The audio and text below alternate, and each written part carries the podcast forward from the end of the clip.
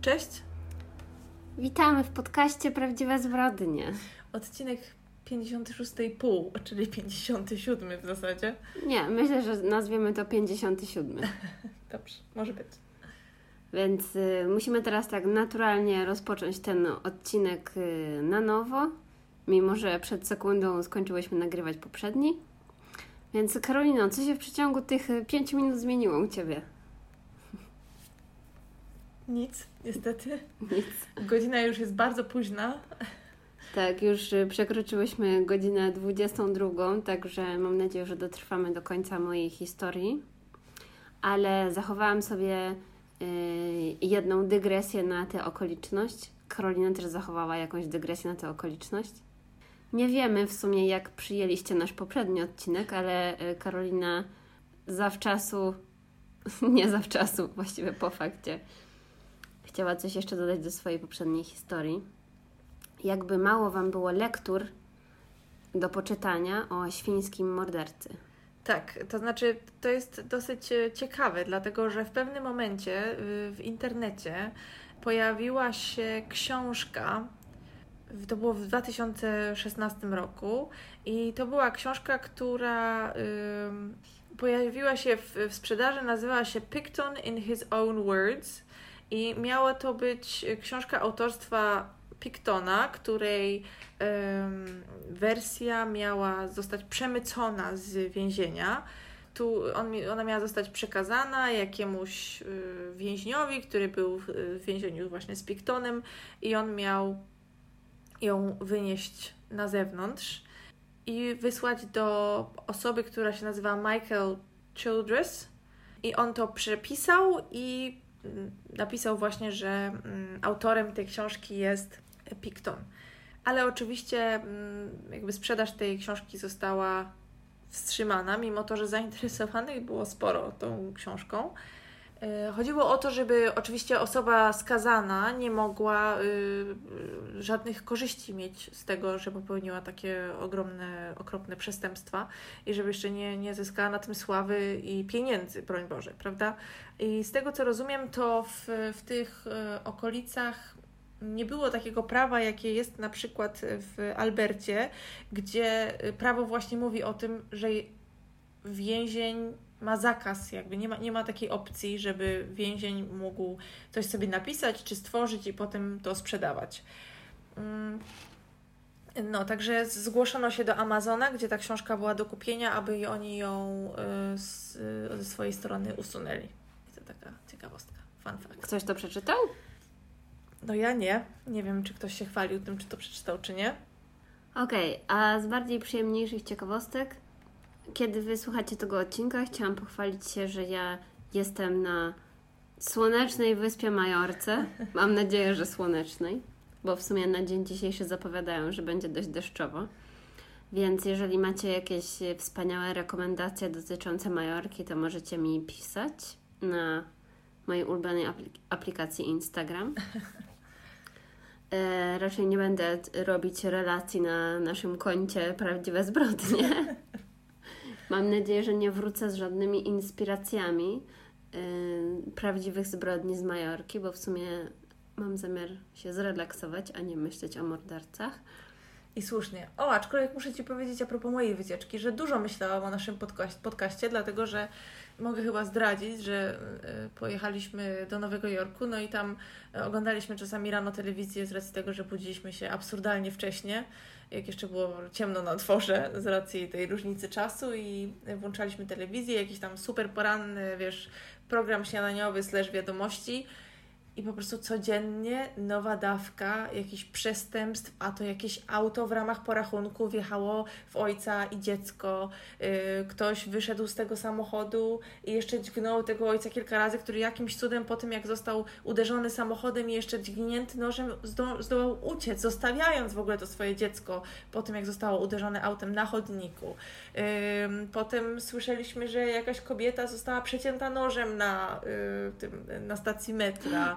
Po prostu naprawdę tam co chwilę jakieś okropne przestępstwa wspominali. mm, Bo akurat dyskutowali tam o jakimś prawie takim, bo tam są takie sklepiki małe, które się nazywają bodegi. No, no, no, wiem. No, no i właśnie starali się wprowadzić takie prawo, dyskutowali o tym, żeby wprowadzić takie prawo, żeby ci y, pracownicy tych bodek mieli takie przyciski, y, które. Alarmowe. Tak, dokładnie, takie przyciski alarmowe, które za, zadziałają szybciej niż dzwonienie na policję na przykład. I właśnie adwokatką tego prawa była kobieta, której syn, jakiś bardzo młody nastolatek, y, został zabity mm, w taki sposób, że y, uciekał przed jakimiś zbirami, wbiegł do takiej bodegi i jest, normalnie tam pokazują nagrania z, rek- z, z CCTV, w sensie z monitoringu, jak ten, jak ten pracownik tej bodegi próbuje go ukryć pod ladą, a te zbiry wbiegają i wyciągają tego dzieciaka za fraki przed sklep i tak go wiesz, ciągną po ziemi i to jest ostatni raz, jak go widzieli żywego. Hmm. No, naprawdę. I ciągle takie rzeczy po prostu to. Ja nie wiem, jak ludzie w ogóle z domu mogą wychodzić. No, cud, że to w ogóle w tym mieście jeszcze ktokolwiek mieszka i żyje. No. Ale z drugiej strony, jak sobie pomyślisz, ile milionów ludzi tam mieszka, no to może no, ta skala, wiadomo, że trochę się zmniejsza, aczkolwiek nie jest to ani trochę mniej przerażające. No, nie, masakra. Także, pff, no, straszne, straszne. Kilka razy mnie tam wzdrygnęło i no, bardzo to przykre było. No mi się kojarzy z, nie wiem czy z Nowym Jorkiem, czy ge- generalnie ze Stanami Zjednoczonymi to, że możesz wyjść na ulicę i zostać zupełnie przypadkowo zastrzelony Mhm. przez randomowego typa, no nie? To jest najgorsze. Tak, ja pamiętam, Taka że przy... przypadkowość. No, także e, korzystajcie z darmowych wiz, ale bądźcie bezpieczni. tylko kto by tam chciał jeździć. Nie no, wiadomo, zło czyha na każdym kroku, w Polsce również. Trzeba po prostu uważać, nie zapuszczać się w niebezpieczne miejsca. No.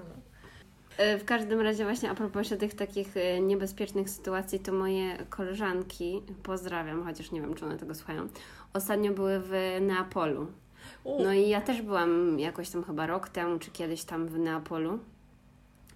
I bardzo mi się jakby nieprzyjemnie to miasto kojarzyło właśnie ze względu, głównie ze względu na te śmieci, bo to jest chyba największe po prostu wysypisko śmieci w Europie i jest tylko znane z tego syfu, ale poza tym oczywiście tam jest bardzo silnie działająca mafia.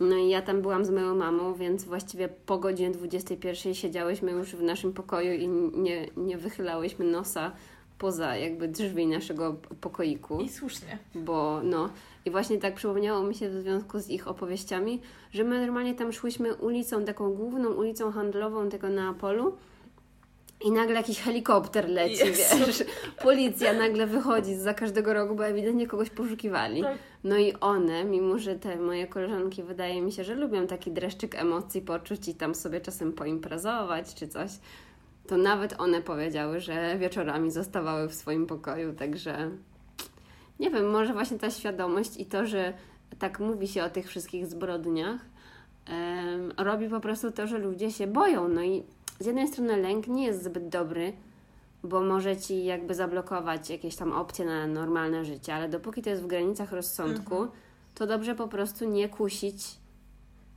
Losu. niebezpiecznych e, sytuacji, no nie? Nie, ja uważam, że taka zdrowa dawka strachu się przydaje. No. Czy może, może nie strach, rozsądku po prostu, no. No tak myślę, że świetnym przykładem uświadamiania społeczeństwa jakiejś takiej dawki rozsądku, którą należy mieć, każdy powinien mieć, jest to, co robili w latach 70., prawda, że y, wszyscy jeździli na stopa, co się często jednak mogło skończyć bardzo, bardzo źle, No, prawda? Dlatego no teraz jak już wiadomo, że nie powinno się może wsiadać z kimś obcym do samochodu y, na środku drogi, gdzie nie ma nic, W, środku lasu. dokładnie, to, to mniej ludzi tak robi. Mam nadzieję, że nikt tak nie robi, no ale Mm. się pewnie zdarzy ktoś szalony albo w trudnej sytuacji. Mhm.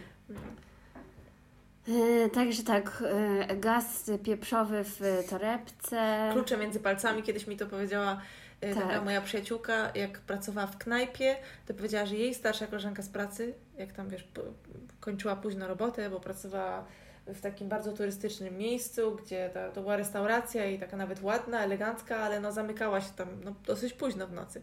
Koleżanka starsza stażem w pracy powiedziała jej, że jak nie ma przy sobie właśnie takich rzeczy, to niech z kluczami między palcami chodzi. No. nie? I ja do tej pory to pamiętam, y, te klucze między palcami, więc y, Czego polecam. jeszcze trzeba wiedzieć, jak uderzyć. No ale Tak, to już ale w sumie no, adrenalina dokładnie, zadziała i tak. może Znaczy tam... w ogóle nie, zacznijmy od tego, że nikomu nic takiego się nie przydarzy. Dobra, to w takim razie ja rozpoczynam um, straszną historię. Spooky. Um, bohaterem mojej historii jest Joseph Paul Franklin. Y, jego prawdziwe imię brzmiało James Clayton Vaughan Jr. I on urodził się w miasteczku Mobile w stanie Alabama, w Stanach Zjednoczonych oczywiście. E, troszeczkę jesteśmy monotematyczne ostatnio, ale. Może... nie, moja sprawa była z Kanady. no. W każdym razie ten ziomek urodził się 13 kwietnia 1950 roku i on był najstarszym z czwórki rodzeństwa. Jego ojciec był weteranem II wojny światowej i przy okazji był rzeźnikiem, także coś może podobnego do Twojej poprzedniej historii. Y, I ojciec opuścił rodzinę, kiedy ten James y, miał 8 lat. Ale ojciec, z tego co rozumiem, no to odwiedzał swoją rodzinkę raz na jakiś czas i zawsze jak ich odwiedzał, to przy tej okazji bił swoje dzieci. No. Więc no, był takim bardzo miłym gościem, alkoholikiem, dużo pił, ale niestety ich matka nie była lepsza. Bo jak dzieci zostały tylko pod jej opieką, to były właściwie jeszcze bardziej maltretowane psychicznie i fizycznie, także nie było tam zbyt miło e, w czasie ich dzieciństwa. I ten, e, będę mówić na tego typa, o którym mówię Franklin, bo tak będzie najprościej każdym razie ten Franklin podobno, Franklin podobno nie dostawał od tej matki jedzenia, ona go głodziła często i najbardziej na nim się wyżywała, bo on był najstarszy z tego rodzeństwa. No i można sobie wyobrazić, że to nie była zbyt przyjazna atmosfera, żeby jakoś normalnie się rozwijać, uczyć się być, wyrastać na normalnego człowieka i tak dalej, więc ten e, Franklin nie miał za bardzo co ze sobą zrobić. Więc kiedy był nastolatkiem, i to było w latach 60., zaczął interesować się na przykład ewangelicznym chrześcijaństwem, co poprowadziło go w kierunku nazizmu, co później poprowadziło go do tego, żeby stać się członkiem Narodowej Socjalistycznej Białej Partii Ludowej oraz Ku Klux Klanu. O Boże, co za kombinacja, no. No. No i tak, żeby jeszcze e, nakreślić, powiedzmy, tło historyczne tych wydarzeń, to właściwie jego okres młodości przypada na czas tej wojny w Wietnamie, i w jednym filmie dokumentalnym, który widziałam na temat tego typa, nawiązano właśnie do tego, że podobno on lubił oglądać westerny. No i oczywiście w tamtym czasie jest to okres westernów, właśnie mhm. te lata 50., 60., no to wtedy w sumie tylko westerny w amerykańskim kinie robiono. No i to przekłada się na to, że w kulturze Stanów Zjednoczonych w tamtym czasie po prostu obecna była przemoc wszędzie, no nie? Że zawsze jak się włączyło telewizję, no to ktoś kogoś zabijał, albo w tym westernie, albo pokazywali jakieś tam wiadomości dotyczące tej wojny w Wietnamie. Generalnie wszystko było nakręcone na to, żeby zabijać. No i jeszcze też w westernach mi się tak kojarzy, takich bardzo starych, to, to było takie gloryfikowane te pojedynki, prawda? No właśnie i właśnie w tym tym filmie, który zresztą jest po prostu wywiadem z tym typem, o którym ja mówię, on sam nawiązał do tego, że oglądając westerny zawsze kibicował temu czarnemu charakterowi, no nie? No bo to zawsze był ten zły typ, który gdzieś tam się pojawia w jakimś miasteczku i on zabija. No i film rozwiązuje się tak, że albo on wygrywa, albo znajduje się inny typ, który jego zabija, no nie? No i w sumie tyle. No ogólnie westerny hmm, to nie jest mój ulubiony gatunek ale ja nie jestem fanką przemocy, oczywiście. W każdym razie. Ja bardzo lubię. nie, nie, nie chodzi mi o to, że to miało jego do czegoś inspirować, ale po prostu chodzi o to, że ta przemoc była mm, na porządku dziennym. Więc może to jakoś tam wpłynęło na tworzenie się jego dziwnych idei w głowie. Poza tym on wychował się w stanie Alabama, bo stamtąd pochodził. No i ogólnie południe Stanów Zjednoczonych znane jest z swoich konserwatywnych poglądów i rasizmu. Zresztą w sąsiednim stanie, który nazywa się Tennessee, właśnie narodził się Ku Klux Klan. Mhm. Także no, mm, jakby to jest wiadome chyba tak powszechnie, że no w tamtych rejonach po prostu, po prostu ludzie nie za bardzo wyszli z tego rasizmu. Oczywiście nie uogólniając, no bo nie wiem, nie znam tych ludzi, prawda? Nie byłam tam, nic w, tych, w tym stylu. Ale tak, pewnie jak są jakieś badania, jakieś takie socjologiczne, to wychodzi na to, że 99% tamtego społeczeństwa są biali ludzie, no nie? No i to o czymś świadczy. Ale nowe zainteresowania tego Franklina natchnęły go do zmiany imienia, właśnie z tego pierwszego, o którym mówiłam, czyli James Clayton Vaughan Jr., zmienił swoje imię na Joseph Paul Franklin. A ten ojciec to musiał być strasznie zadufany w sobie, że nie dość, że był okropny, lał dzieci, jak już w ogóle się zjawił, to jeszcze nazwał go po sobie, tak? No bo to był pierworodny, więc może, no tak. może dlatego. Mm. Ale ten e, Joseph Pierwsza część jego nowego imienia, Joseph Paul, to była na cześć e, Goebbelsa. Karolina się śmieje. Mało z krzesła nie spadłam, to była zaskakująca informacja, no. Też sobie znalazł idola. Tak, a druga część, Franklin, była na cześć Benjamina Franklina. Ale wydaje mi się, że w takim wypadku Benjamin Franklin musiał też być też takim być... rasistą. No ja się aż tak nie znam, no, nie wiem, nie znam jego biografii, ale... Mhm. Na pewno coś, y, coś w tym było, możecie nas do, doedukować. według naszego bohatera świadczyć na korzyść Benjamina Franklina, także... Mhm. Teraz przerwa na picie. Tak. Dzisiaj, dzisiaj jogi nie kicha, także może o tyle dobrze. Niech się chociaż chłopak napije. No. No i jak to zwykle bywa w takich przypadkach, w jego ręce wpadła też znamienita książka, uwielbiana przez tego typu osoby, czyli Mein Kampf. Nie! Tak jest. I przy okazji tego przypomniało mi się, że kojarzę z gimnazjum albo z liceum, ale chyba bardziej z gimnazjum, jakichś chłopaków, głupich chłopaków, którzy chwalili się, że to czytali, no nie? To jest w ogóle dostępne jeszcze gdziekolwiek, poza jakimiś super tam bibliotekami, gdzie mają to po to, żeby, nie wiem... Nie, mi się wydaje, że bez problemu, bo w internecie jest wszystko, no nie? Więc jeżeli ktoś chce przeczytać, to sobie przeczyta. Ja przyznaję, że nigdy nie googlałam, gdzie mogę znaleźć Mein Kampf, więc... Yy... Nie, no ale ogólnie, no wiesz, to jest dostępne chociażby z tego względu jako po prostu...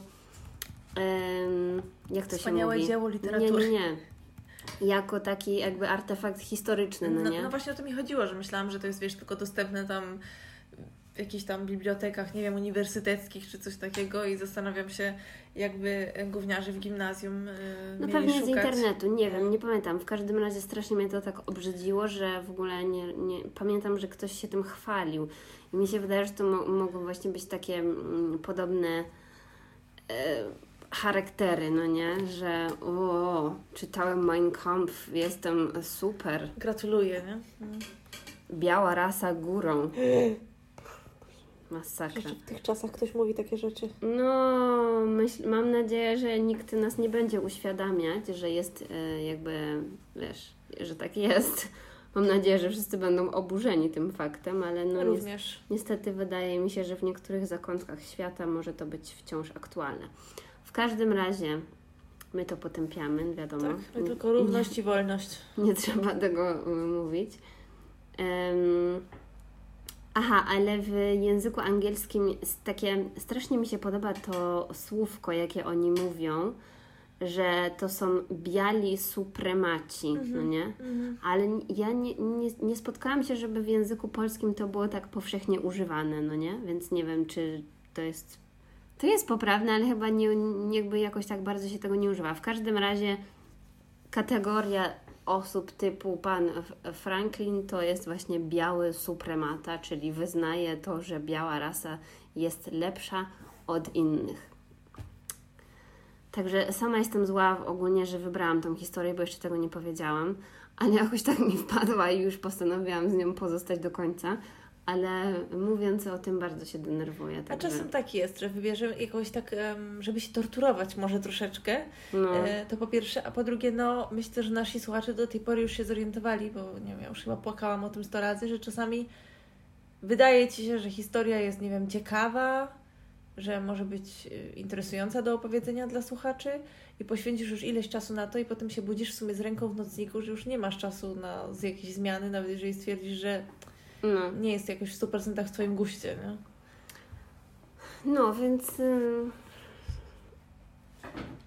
Dlatego ja postanowiłam e, pozostać przy tym Franklinie, ale jakby nie jestem z tego powodu jakoś bardzo dumna. Ale te słowa. To nie Ty zrobiłaś, więc... Ale te słowa y, Hitlera z tej y, masakrycznej książki zrodziły w jego głowie pewną ideę, która miała swój ciąg dalszy. Mm, Tego No się i- obawiałam. No i oczywiście dojdę do tego, ale najpierw wpadł na pomysł wszczęcia wojny rasowej. No i jakby to się nie wydarzyło w historii, prawda? Ale na razie wróćmy do takiej głównej życiowej ścieżki tego Franklina, więc on nie skończył liceum. W międzyczasie miał wypadek, który jakoś bardzo mocno uszkodził mu oko, czy też uszkodził mu wzrok. I co też ciekawe, znalazł sobie dziewczynę, z którą wziął ślub w roku 68, czyli w wieku 18 lat. Aha. No to taki trochę dziwny wiek na branie ślubu, no ale Mhm. okej. A ten wypadek ze wzrokiem uniemożliwił mu pójście do wojska, a właściwie wstąpienie do armii, co było chyba dla niego wielkim ciosem, bo on chyba miał w sobie tak bardzo dużo agresji, której chciał się pozbyć i chciał, no pewnie móc zabijać ludzi yy, po prostu, bez żadnego tam yy, wytłumaczenia, ale nie mógł. I niestety to ich małżeństwo nie było zbyt szczęśliwe, bo okazało się, że poszedł w ślady swojego ojca i też matki. I po e, wzięciu ślubu zaczął znęcać się nad swoją żoną. Poza tym cały czas miał kłopoty z prawem, był karany za jakieś tam drobne przewinienia.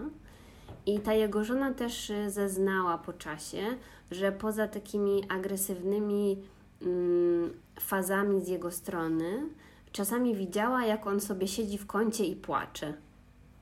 No i ogólnie jakby to miałoby wskazywać na to, że on miał jakieś takie głębokie problemy psychiczne, coś może o tym, że był jakiś dwubiegunowy, no generalnie niezrównoważony psychicznie. Coś było nie tak. Tak, tak, ale, ale na razie nie wiemy jeszcze, co było z nim nie tak. Oni mieszkali w takiej typowej, można by to było nazwać białej dzielnicy. Nie mieli za bardzo kontaktu z osobami innego koloru skóry, ale to nie przeszkadzało mu w tym, żeby przejawiać takie typowe rasistowskie zachowania, że jak widział na ulicy jakieś osoby o odmiennym kolorze skóry, to od razu je wyzywał, a w szczególności przeszkadzały mu, i tutaj w cudzysłowie, mieszane pary. O, no oczywiście, nie? no, tak. Bo to, że jest dziewczyna białego koloru skóry i mężczyzna ciemnego koloru skóry, to w tego typu osobach wzbudza straszną agresję, no nie? Że jak to taka dziewczyna może się zadawać z takim facetem? O mój Boże, Tak. trzeba coś z tym zrobić, jakiś porządek, no nie? Więc to, no, strasznie. I jeszcze do jego charakterystyki w tamtym czasie można by było dodać, że kolekcjonował różnego rodzaju bronie, więc no, przygotowywał się na coś zdecydowanie. No i tak jak mówiłam, on dołączył do tych różnych grup, takich e, nazistowskich, rasistowskich i właściwie w każdej z tych grup, e, do których dołączył, był rozczarowany tym, co tam się dzieje, bo jemu zależało na takiej natychmiastowej akcji, na zrobieniu czegoś, Chciał na właśnie działać. tak, na pozbyciu się tych e, Żydów czy Afroamerykanów, a, a no tamci tylko siedzieli i gadali, no nie? I jego to bardzo denerwowało, był rozczarowany, że on myślał, że to taki Ku Klux Klan i że będzie tak super, że nagle wszyscy zgrają się i będą zabijać czarnoskórych w ich otoczeniu, a niestety nikt nie podchwycił jego planu. A on właśnie otwarcie mówił o tym swoim pomyśle wszczęcia tej wojny rasowej i myślał, że to jest wspaniały pomysł. No i oczywiście, aha, bo zapomniałam tego dodać, że e, tak samo mocno e, nienawidził Żydów. jak Afroamerykanów. Także jakby tego jeszcze było mało. No i właśnie zawiedziony był tym, że nikt nie chciał się przyłączyć do wszczęcia tej jego wojny rasowej. Łatwo było się domyślić, jak Hitler był jednym z jego idoli. E, tak. Zaraz obok Goebbelsa, no to... No i co ciekawe, w tym wszystkim też była wiara chrześcijańska, bo on na przykład uważał, że pary w cudzysłowie międzyrasowe są grzechem przeciwko Bogu. No nie, więc gdzieś tam ten Bóg widniał. No, także, no wiadomo, te wszystkie takie ideologie odnoszą się do jakiejś siły wyższej, może to być Bóg, może to być nie wiadomo co tam jeszcze, że no Bóg jest biały, prawda, no to pff, no nie, nie wiem, już nieważne. Możecie sobie wymyślić, co on miał na myśli. I jako, że żadne ugrupowanie go za bardzo nie przekonało, to postanowił działać samodzielnie. I właściwie nie znalazłam jakichś super szczegółowych informacji o jego życiu prywatnym później, mhm. bo z tego co się domyślam, to rozstał się z tą swoją żoną. Um, I mówili, że był samotnikiem, jeździł samochodem od stanu do stanu, e, okradał banki, żeby zdobyć pieniądze i to skutecznie. W sensie miał na swoim koncie bardzo dużo, naprawdę naście napadów na banki. E, poza tym też regularnie oddawał krew do różnych banków krwi, żeby zarobić trochę kasy pomiędzy tymi skokami na banki. No i przez to wszystko był bardzo anonimowy, nie używał swojego prawdziwego imienia, zatrzymywał się zawsze w jakichś motelach na dzień albo dwa, albo coś tam, więc nikt nie mógł go, go zbyt szybko złapać, bo jakby nie wiadomo było, że w ogóle jest ku temu jakiś powód, prawda? No i niestety ta złość, jaką odczuwał do osób pochodzenia afroamerykańskiego i Żydów rosła i rosła i rosła. No i jego przepełniała ta chęć do działania. No i teraz jesteśmy w połowie lat 70., czyli kiedy ten Franklin miał około 25 lat i był młody i głupi. To jest oczywiste.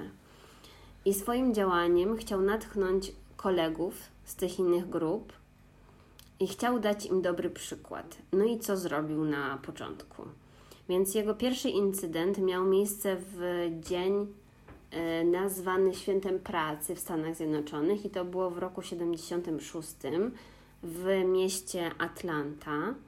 I on tam zaczął publicznie obrażać, wyzywać taką parę właśnie tą międzyrasową, chociaż to brzmi obrzydliwie dla mnie, no ale tak jakby powiedzmy, że on to tak definiował. Para międzyrasowa. I on jakoś tam ich śledził, aż doszli do takiego zaułka, do takiej ślepej uliczki. I jakoś tak nie wiem, czy on ich zapędził w tą ślepą uliczkę, czy coś takiego.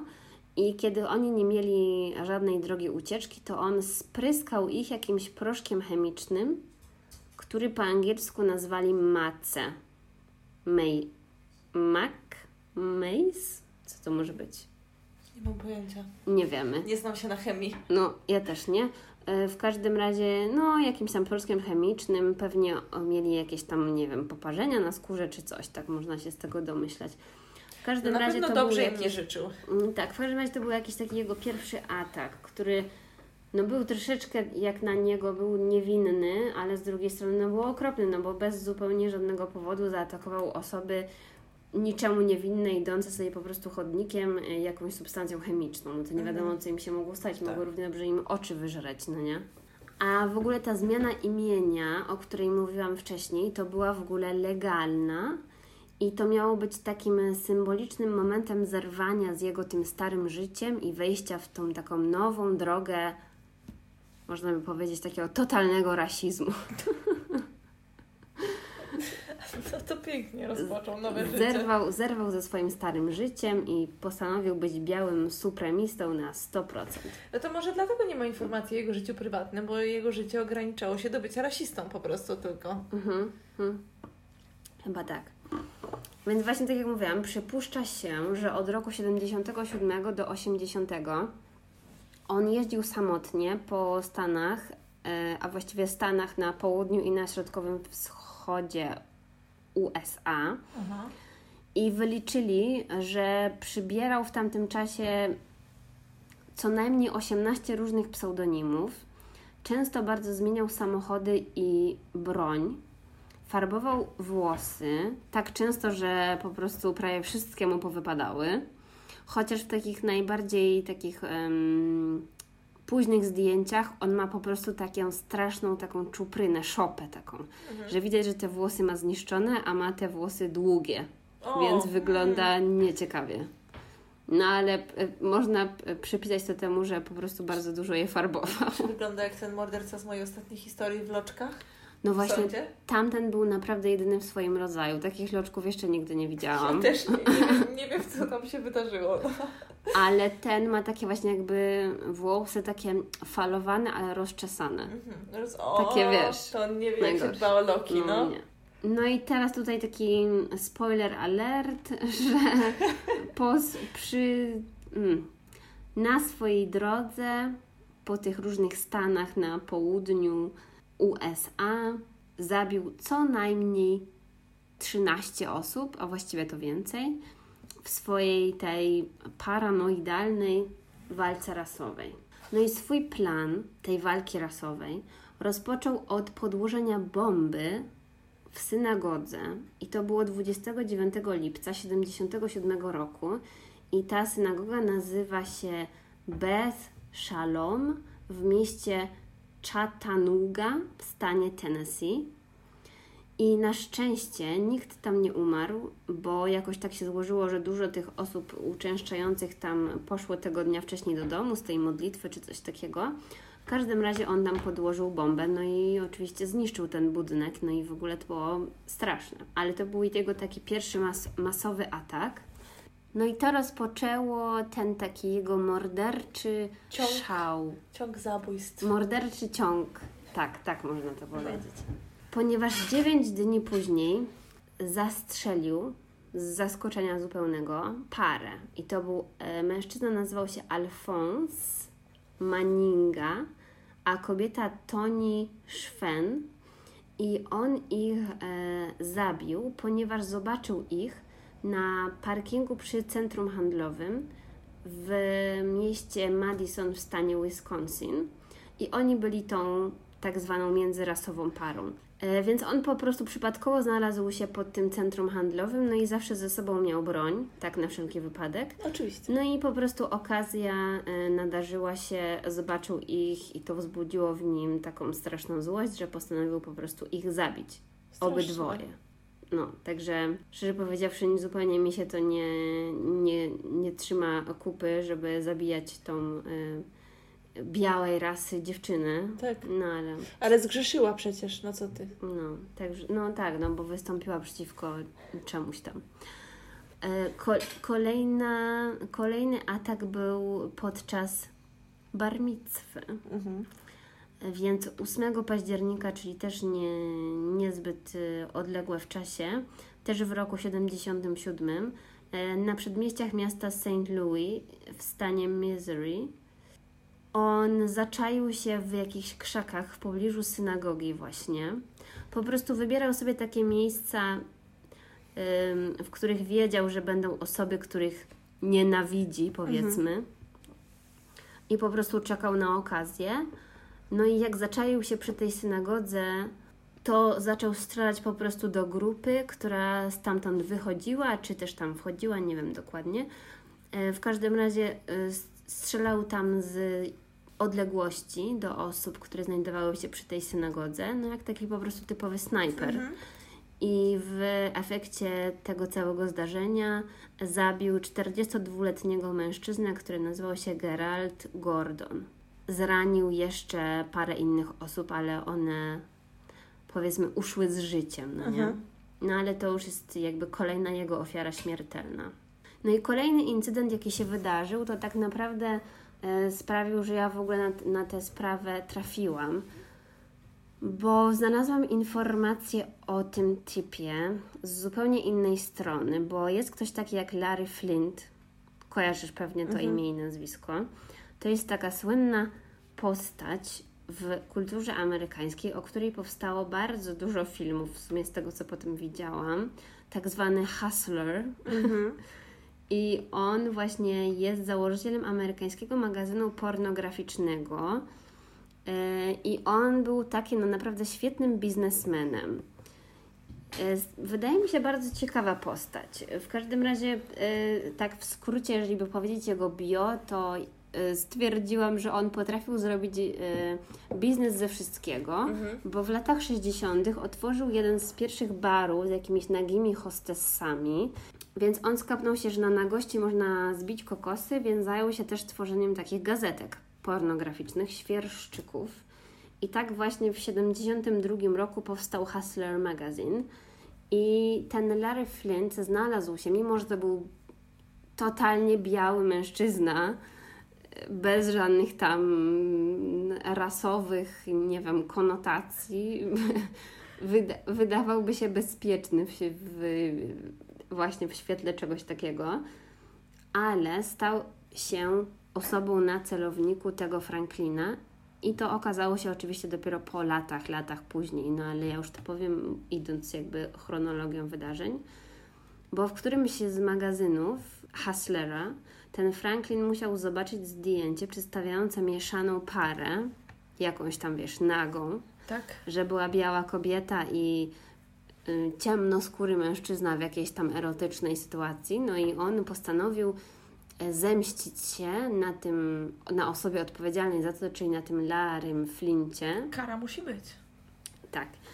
I tak go to oburzyło, że wiedział, że ten Larry jest osobą bardzo znaną, bo on tak naprawdę w tamtym czasie w Stanach był no, bardzo mocno rozpoznawalny i też taki bardzo kontrowersyjny, więc w sumie było o nim głośno.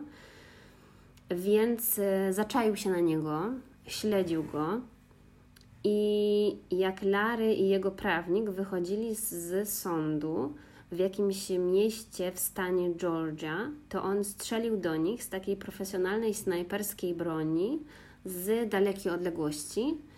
I przez ten atak Larry Flint od roku 70 któregoś tam jest sparaliżowany totalnie, więc y, tak naprawdę nie, jakby nie miał długo normalnego życia, no nie? W sensie, że on, nie wiem ile ten Larry Flint miał wtedy, 30 parę lat może i mhm. został sparaliżowany.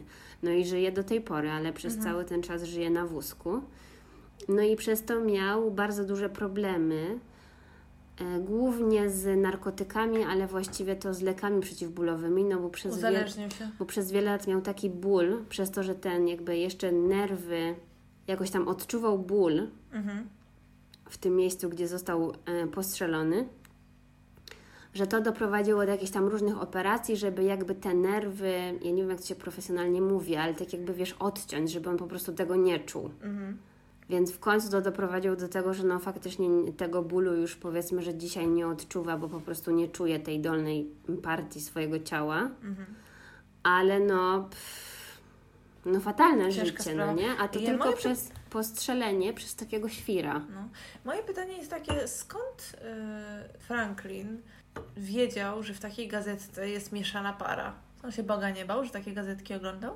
A nie, no ogólnie on... Mm, on bardzo lubił kobiety i przypuszczam, że może ta gazeta po prostu była jego jakimś takim, wiesz, czymś, co on sobie po prostu czytał dla przyjemności. Bo on korzystał z usług prostytutek. Aha jak już sobie poszedł na tą swoją e, solo podróż e, po Stanach, no to jedyne co mógł robić to korzystać z usług prostytutek i on zresztą w jakimś tam wywiadzie powiedział, że jedyne co go zajmowało w życiu to albo uganianie się za dziewczynami, albo polowanie na te inne rasy, no nie? Fantastycznie.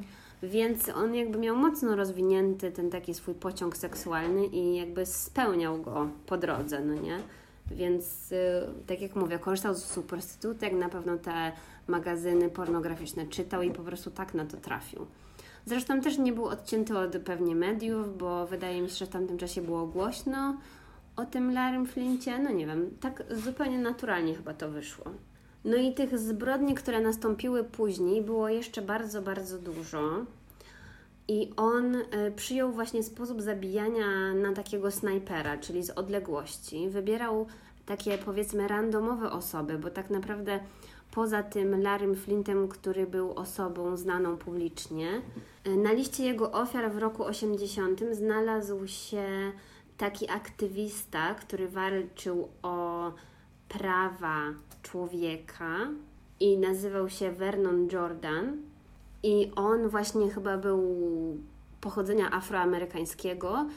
I podobno ten Franklin bardzo jakby zdenerwował się po tym, jak zobaczył go gdzieś w mediach z białą kobietą y, i postanowił zaczaić się na niego i go zabić. Więc tak, poza tym aktywistą, który był dość rozpoznawalny. On go zabił? Nie, postrzelił i jakoś poważnie go zranił, ale nie zabił. Mhm.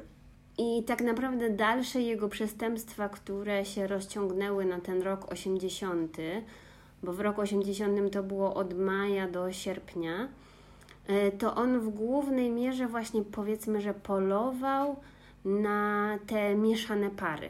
Aha. Bo było parę takich przypadków, że po prostu spotkał w jakimś tam parku biegaczy Aha. i to była jakaś tam na przykład para biegaczy, mężczyzna ciemnoskóry, kobieta biała, no i on ich zabijał, no nie? Wtedy przepełniał go gniew. Tak, no po prostu, ale to były wszystko przypadkowe osoby, y, które napotykał właśnie przy okazji swojego tam podróżowania po Stanach i tyle. No i jako, że poruszał się po tych kilku sąsiadujących ze sobą Stanach, no to policja zaczęła zauważać, że coś jest na rzeczy, że ktoś zabija te osoby w taki bardzo no, brutalny sposób, ale też taki nie pozostawiający żadnych śladów po sobie, no nie? Więc za bardzo nie mogli no, zbadać tego miejsca zbrodni, no bo on strzelał z odległości w ogóle nic, no, nic takiego nie, nie pozostawiał po sobie. No i właśnie trwało to, tak jak mówię, do sierpnia 80 roku.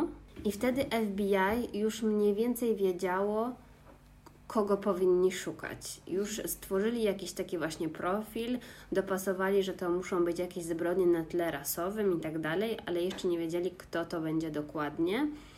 I w ogóle jest jeden dokument na YouTubie, który jest po polsku, który dotyczy te, sprawy tego typa.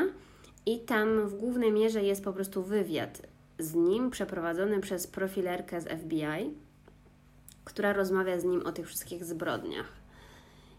I jak przypominają sobie właśnie tamten czas, to podobno jego strasznie, no powiedzmy, że bolało to, że za mało było rozgłosu o nim w mediach. Aha. Bo on jakby wszystko to robił po to, żeby właśnie zainspirować ludzi, żeby powstała ta wojna rasowa, żeby nagle ci, mm, w cudzysłowie, czarnoskórzy ludzie na przykład zaczęli się bronić i żeby jakby oni z kolei zaczęli atakować białych, więc wtedy biali by się musieli bronić. No wiesz, takie po prostu wz- wzburzenie tej całej e, sytuacji. Ale do niczego to nie doprowadziło, no bo w sumie on nie zostawiał żadnych, nie wiem, liścików po sobie, on po prostu randomowo zabijał osoby. Zdarzyło mu się zabić jakieś białe osoby. Właśnie na przykład te kobiety, które były z, y, znalezione z ciemnoskórymi mężczyznami. No i to troszeczkę nie, nie trzymało się tak jakby tej jego filozofii. Troszeczkę źle to wytłumaczył, a nie był na tyle, nie wiem, zachłanny, żeby pisać list do mediów i wyjaśniać o co mu chodzi. Bo wydaje mi się, że do końca nikt nie rozumiał o co mu chodzi i on był trochę zdenerwowany tym, że nikt o nim nie mówi.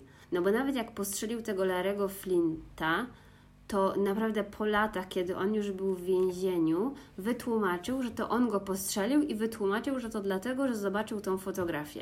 Nikt by na to nie wpadł, no nie? No, no to jak na to, że chciał rozpętać wojnę rasową, to się średnio przygotował.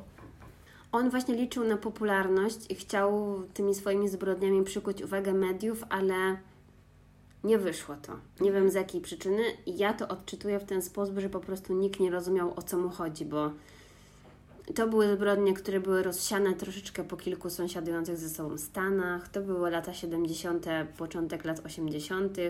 Może nie było jeszcze takiej dobrej komunikacji. No i tak ogólnie wydaje mi się, że mu to trochę nie wyszło. No z tego co mówisz, to porażka raczej. Znaczy bardzo dobrze, bo ktoś taki nie zasługuje na rozgłos, tylko szkoda, że miał w ogóle takie głupie pomysły. No. I właśnie w międzyczasie, przy tych swoich podróżach, jak zatrzymywał się w jakichś motelach, to spotykał się z różnymi prostytutkami, podobno. I w tym właśnie jednym filmie dokumentalnym, który oglądałam, i to jest tylko jedno miejsce, w którym o tym wspomniano, więc nie wiem, czy to jest na 100% prawda, ale właśnie bardzo prawdopodobne jest to, że jakaś prostytutka go wsypała. A, bo on zaprosił tą prostytutkę do swojego po pokoju motelowego i tam zaczął się chwalić w ogóle wszystkimi brońmi, które Aha. posiada. No i ona stwierdziła, okej, okay, to trochę dziwne, no nie? I, I jak też zaczęły się pojawiać jakieś informacje, że może jakiś niebezpieczny mężczyzna tam grasuje w okolicy, to ona e, powiedziała na policji, że no, był taki mężczyzna i ona widziała, że on ma dużo broni ze sobą i coś tam. I właśnie dlatego policja, kiedy on podróżował przez Kentucky, mhm. zatrzymała go i znaleźli właśnie w jego samochodzie te różne bronie i zaczęli go w tej kwestii przesłuchiwać.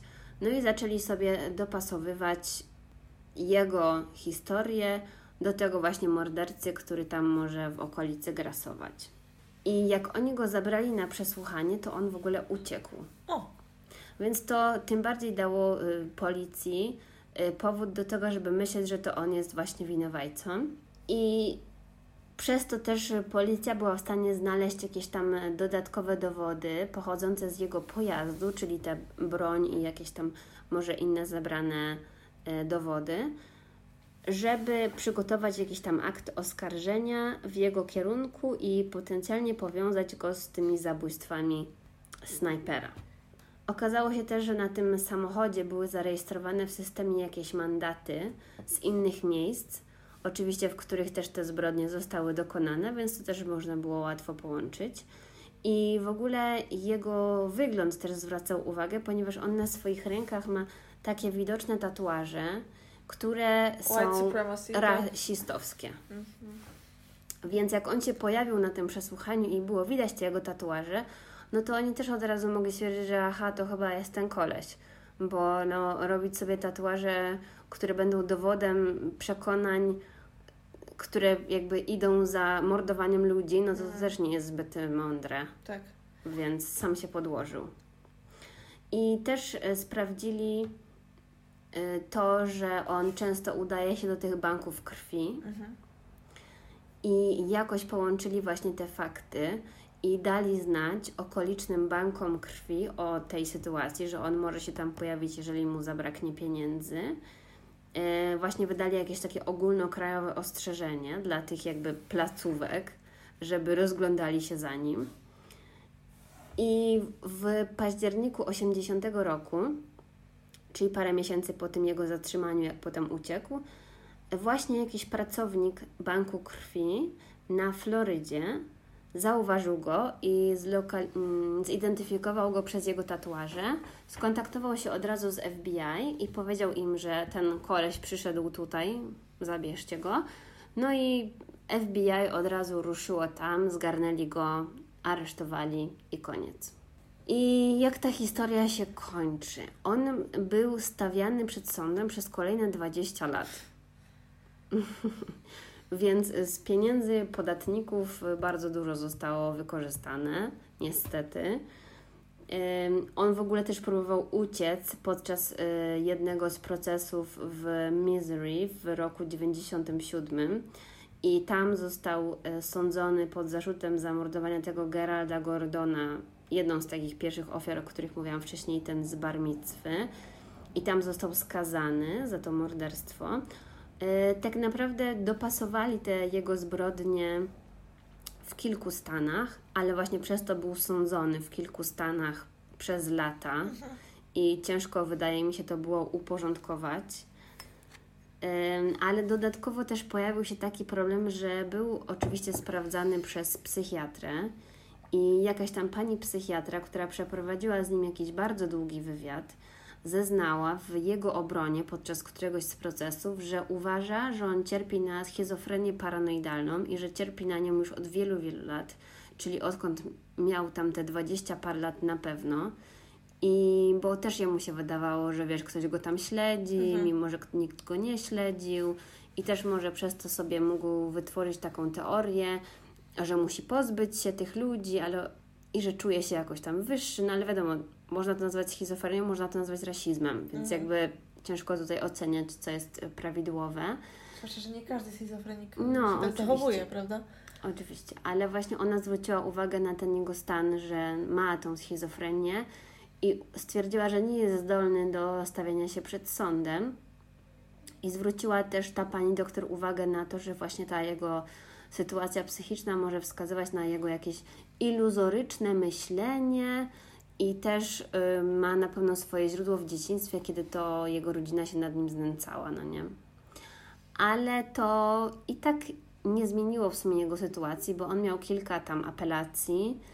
Y, on też miał swoją, swój zespół obrońców, którzy wnosili różne apelacje w jego kwestii y, podczas tych różnych procesów, które miał.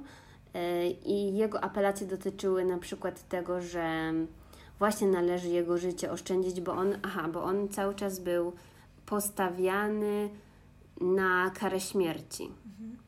Więc oni tutaj, i to już dochodzimy do roku właściwie 2013, czyli całkiem niedawno. No i dużo głosów y, pojawia się wciąż, zwłaszcza właśnie teraz, przeciwko tej karze śmierci, prawda? Więc oni też tam próbowali te apelacje wnosić pod tym kątem, że to jest niehumanitarne, no mhm. i wbrew tej resocjalizacji, bla, bla, bla. I że na pewno jego życie należy oszczędzić, zwracając uwagę na jego chorobę psychiczną. Też zwracali uwagę tam na to, że mm, ława przysięgłych otrzymała jakieś tam złe informacje w jego temacie i też w międzyczasie, kiedy on miał dostać karę śmierci już z któregoś tam procesu, to też się pojawił jakiś problem, ponieważ podobno do tego zastrzyku kary śmierci w Stanach Zjednoczonych wykorzystywano leki z Europy. Mhm. I te firmy farmaceutyczne z Europy w tamtym akurat czasie postanowiły wycofać się z tego i stwierdziły, że my już więcej nie będziemy dostarczać Wam zastrzyków do kary śmierci. Mhm. W ogóle ciekawe, nie słyszałam o tym. I oni podobno wzięli jakąś taką randomową firmę, która dostarczyła nie wiadomo jaką substancję, żeby to wykonać. I nagle można było to podważyć, no bo to nie wydaje mi się, że to nie było jakieś takie zbyt legalne, żeby to zrobić i że ta jego obrona wywęszyła tam jakiś podstęp, no nie?